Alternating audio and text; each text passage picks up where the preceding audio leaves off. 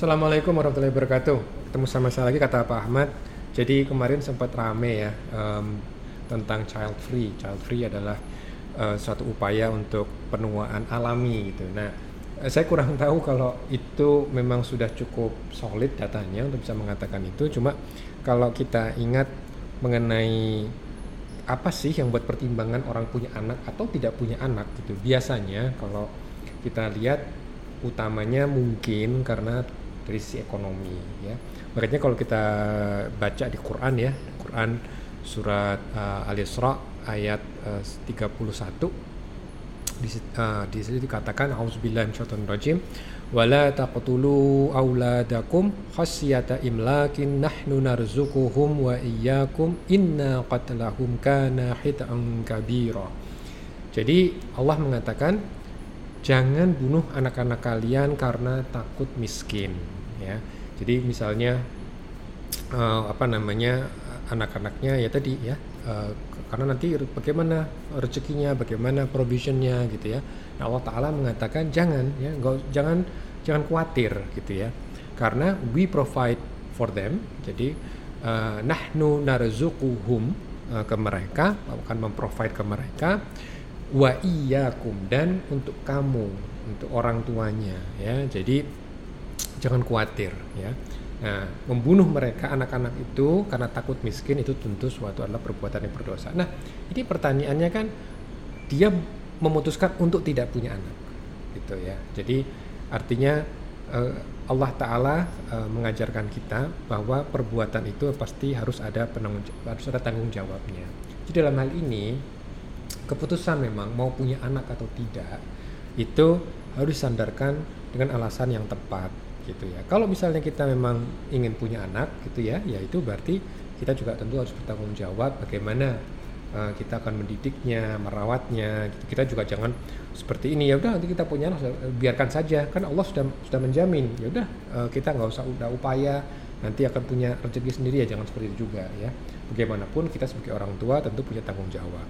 Nah, kalau misalnya ada orang tua yang sejak awal tidak mau punya anak gitu ya, ya itu adalah bagian dari tanggung jawab mereka juga gitu ya. Kenapa mau tidak punya anak gitu ya. Nah, cuma uh, terkait ini uh, saya mungkin akan melihat dari sisi kesehatan ya, dari sisi penyakit karena saya orang kanker, saya akan ceritakan sebetulnya kalau kita bicara para wanita yang tidak punya anak, apa yang disebut dengan bahasa biologi itu nulliparous ya, tidak punya anak itu sebetulnya punya risiko kanker payudara lebih tinggi daripada siapa? Daripada wanita yang mereka punya anak banyak dan menyusui full, ya dua tahun menyusui full.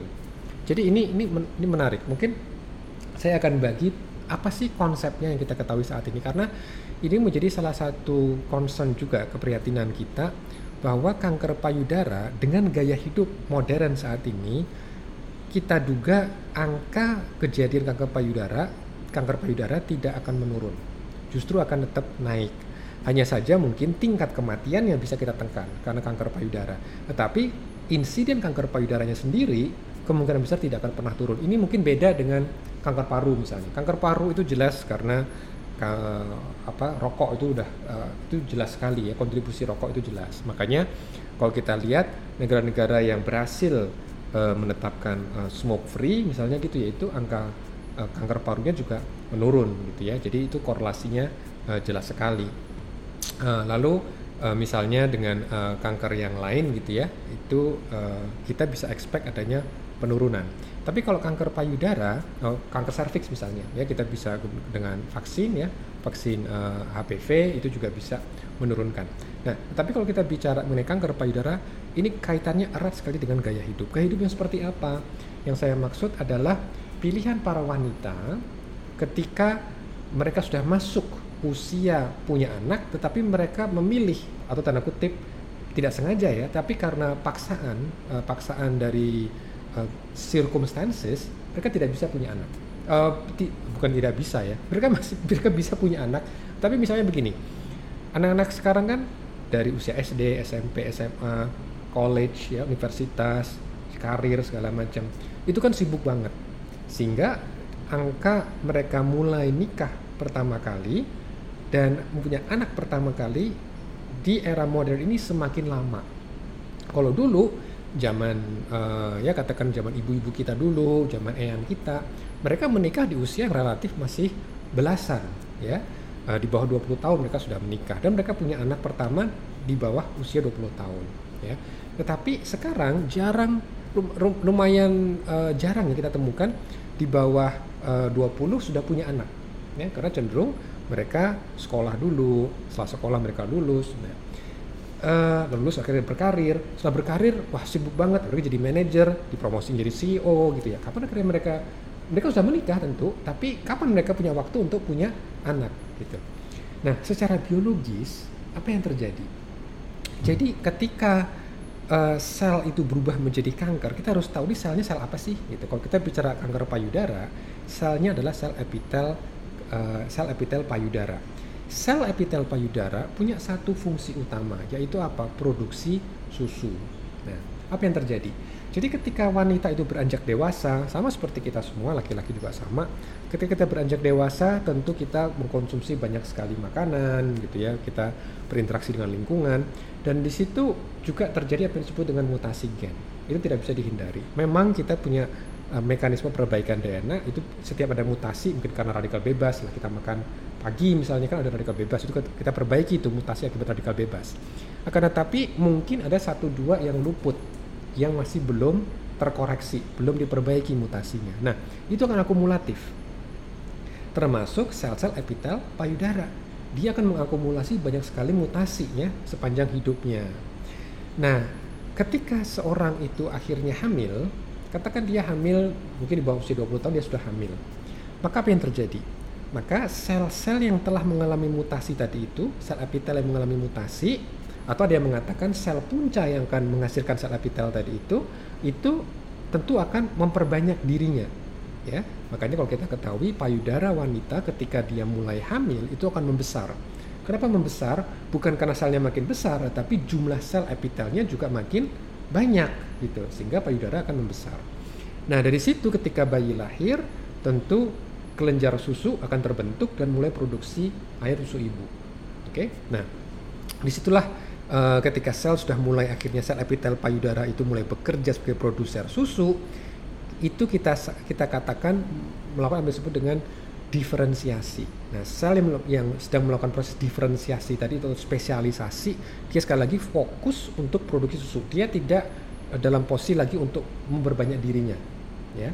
Nah, sedangkan kalau kita bicara kanker, sel epitel yang berproliferasi itu cenderung tentu uh, apa namanya meningkatkan risiko kanker. Nah, ingat tadi sel epitel kan ada akumulasi mutasi genetik kan.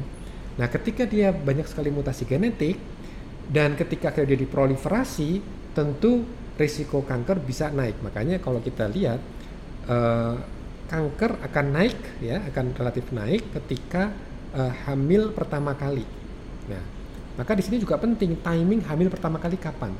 Kalau dia hamil di usia katakan di bawah 20 tahun, dibandingkan dia hamil pertama kali di atas 40 tahun, tentu kan akumulasi mutasinya berbeda. Karena semakin tua kita, semakin uh, banyak akumulasi mutasinya kan, gitu. Nah, ketika itu dia hamil pertama kali itu kan akan ada explosion dari atau banyak sekali proliferasi sel yang akan akan muncul gitu kan. Nah, di situlah risiko kanker akan naik ke sana. Tetapi yang menarik, ketika sang ibu itu sudah mulai akhirnya menyusui anaknya selama 2 tahun, sel-sel tadi itu berhenti proliferasi karena sekarang mereka fokus untuk apa produksi su susu. Nah, setelah dua tahun apa yang terjadi? Setelah dua tahun, semua sel epitel tadi yang apa namanya fungsinya untuk memproduksi susu, dia akan mengalami kematian massal.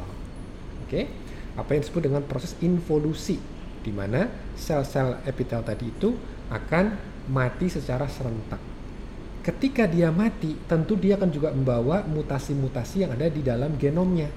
Sehingga apa? Sehingga sel-sel tadi itu akhirnya sudah mulai terhapuskan. Ya, kita bisa mengatakan ke organ payudaranya tadi besar untuk menyusui akhirnya mengecil. Nah, di situlah dia akan juga menyusut untuk apa? Sel-sel yang mengalami mutasi juga akan hilang bersamanya. Gitu ya. Nah, itu di situ dikatakan mungkin tanda kutip detox alami ya jadi akumulasi mutasi tadi akhirnya bisa mulai terhilangkan. Jadi sel-sel yang mengalami banyak mutasi akan terhilangkan. Maka kalau kita lihat dari data epidemiologi, wanita yang relatif rendah risiko terkena kanker payudara adalah siapa? Mereka yang punya anak di usia muda, muda itu di sini berarti di bawah 20 tahun gitu ya. Punya anak pertama kali, menyusui tamam 2 tahun, sempurna 2 tahun, lalu mereka punya anak lagi. Ya kan? Punya anak lagi, menyusui lagi uh, selama 2 tahun dan itu demikian dan demikian dan demikian. Nah, dibandingkan dengan siapa? Para wanita yang tidak punya anak sama sekali atau anaknya sedikit dan punya anak pertama kalinya di usia katakan di atas 40 tahun. Mereka punya risiko kanker payudara lebih tinggi. Kenapa?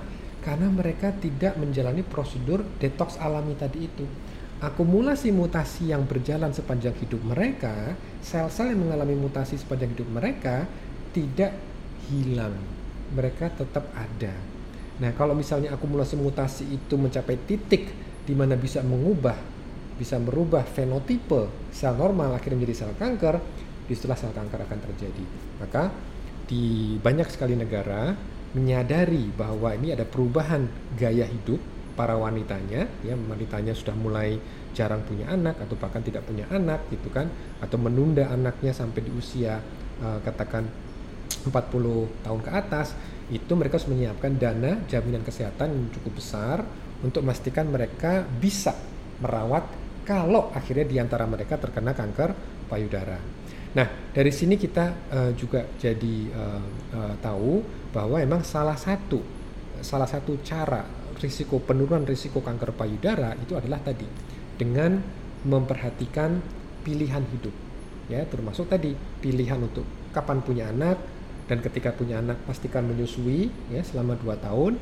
Itu bahkan menjadi salah satu cara terutama bagi sebagian wanita yang mengalami mutasi gen sejak lahir. Jadi kita mungkin ingat kasus Angelina Jolie gitu misalnya ya.